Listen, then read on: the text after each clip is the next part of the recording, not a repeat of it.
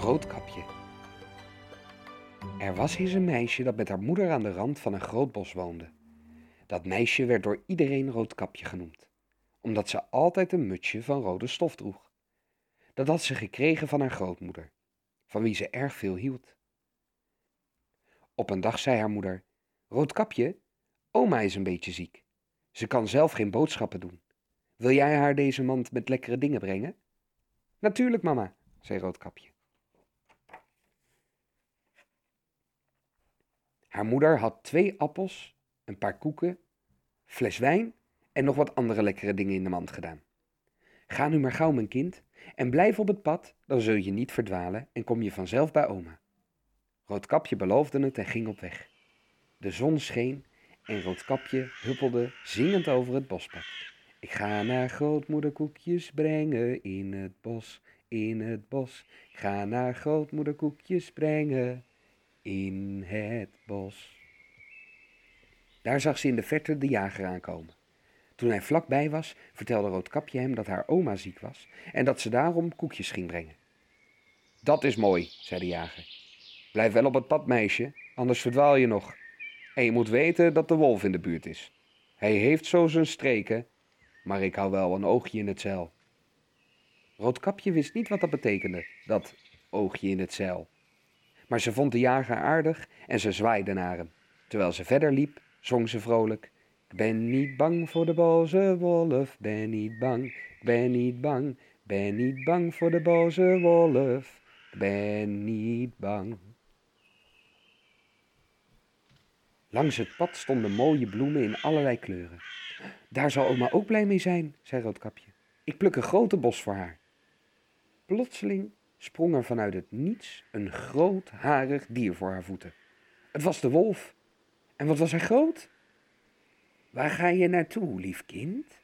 vroeg hij met een wel heel aardige stem voor een wolf dan.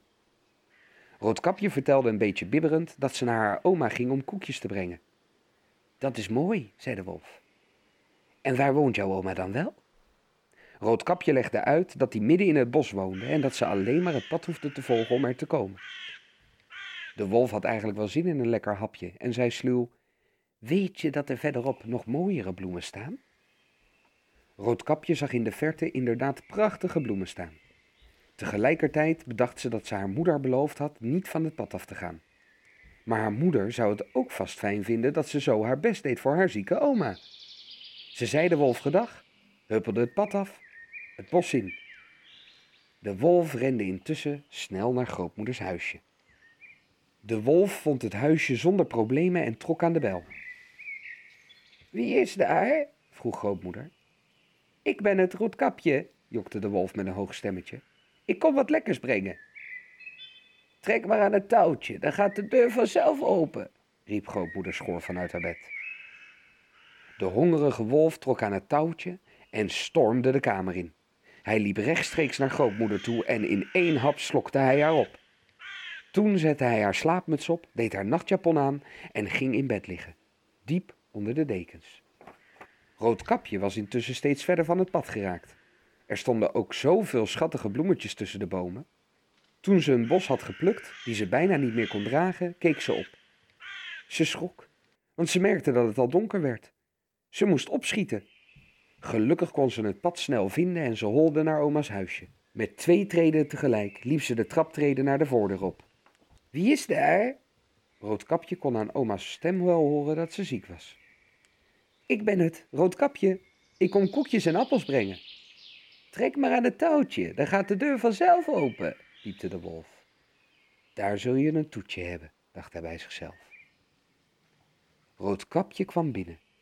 Ze vond dat haar lieve omaatje er maar raar uitzag. Haar slaapmuts zat ver over haar oren. Kom toch verder, lief kind. Haar stem klonk echt heel verkouden. maar oma, wat heeft u toch grote oren? Dan kan ik je beter horen, mijn kind.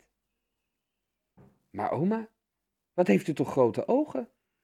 Dan kan ik je beter zien, mijn kind. Maar oma, wat heeft u toch grote handen? Dan kan ik je beter pakken, mijn kind. Maar oma, wat heeft u toch verschrikkelijke grote tanden? Dan kan ik je beter opeten. De wolf sprong op en voordat Roodkapje ook maar door had wat er aan de hand was, verslond hij haar. Hap! En weg was ze. De wolf gaapte. Zo, en nu een lekker tukje doen. Hij ging weer in bed liggen en viel onmiddellijk in slaap. Heel hard begon hij te snurken. De jager die in de buurt was, hoorde het gesnurk. Hij dacht, dat kan toch niet het oude grootmoedertje zijn? Maar toen hij dichterbij kwam, hoorde hij het geluid wel degelijk uit het huis komen. En wat vreemd, de deur stond open. De jager keek naar binnen en zag meteen dat het de grote boze wolf was die daar in het bed lag. En aan zijn dikke ronde buik te zien, had hij die arme grootmoeder verslonden. De jager aarzelde geen moment. Hij pakte zijn zakmes en sneed voorzichtig de buik van de slapende wolf open. Vloep, daar kwam niet grootmoeder tevoorschijn. Nee, het was Roodkapje. Het rode mutsje zat een beetje scheef op haar hoofd. Vlak nadat de jager Roodkapje uit de buik van de wolf had getild, kwam grootmoeder er achteraan. Oef, wat was het daar donker en benauwd, zei grootmoeder. De jager fluisterde. We zullen die gemene wolf eens een lesje leren. Roodkapje, haal buiten maar even wat grote stenen. Het meisje vond een paar zware stenen en droeg die naar de jager. Snel stopte hij ze in de buik van de wolf en grootmoeder naaide de bol weer netjes dicht. Niet veel later werd de wolf wakker. Hij voelde zich helemaal niet lekker en hij strompelde het huisje uit. Het bos in. Ze hem nog mompelen. Oh, wat voel ik me beroerd. Ik heb iets doms gedaan. Nooit meer eet ik mensenvlees op, daar kun je van op aan. En inderdaad, van de wolf hebben ze nooit meer iets gezien of gehoord.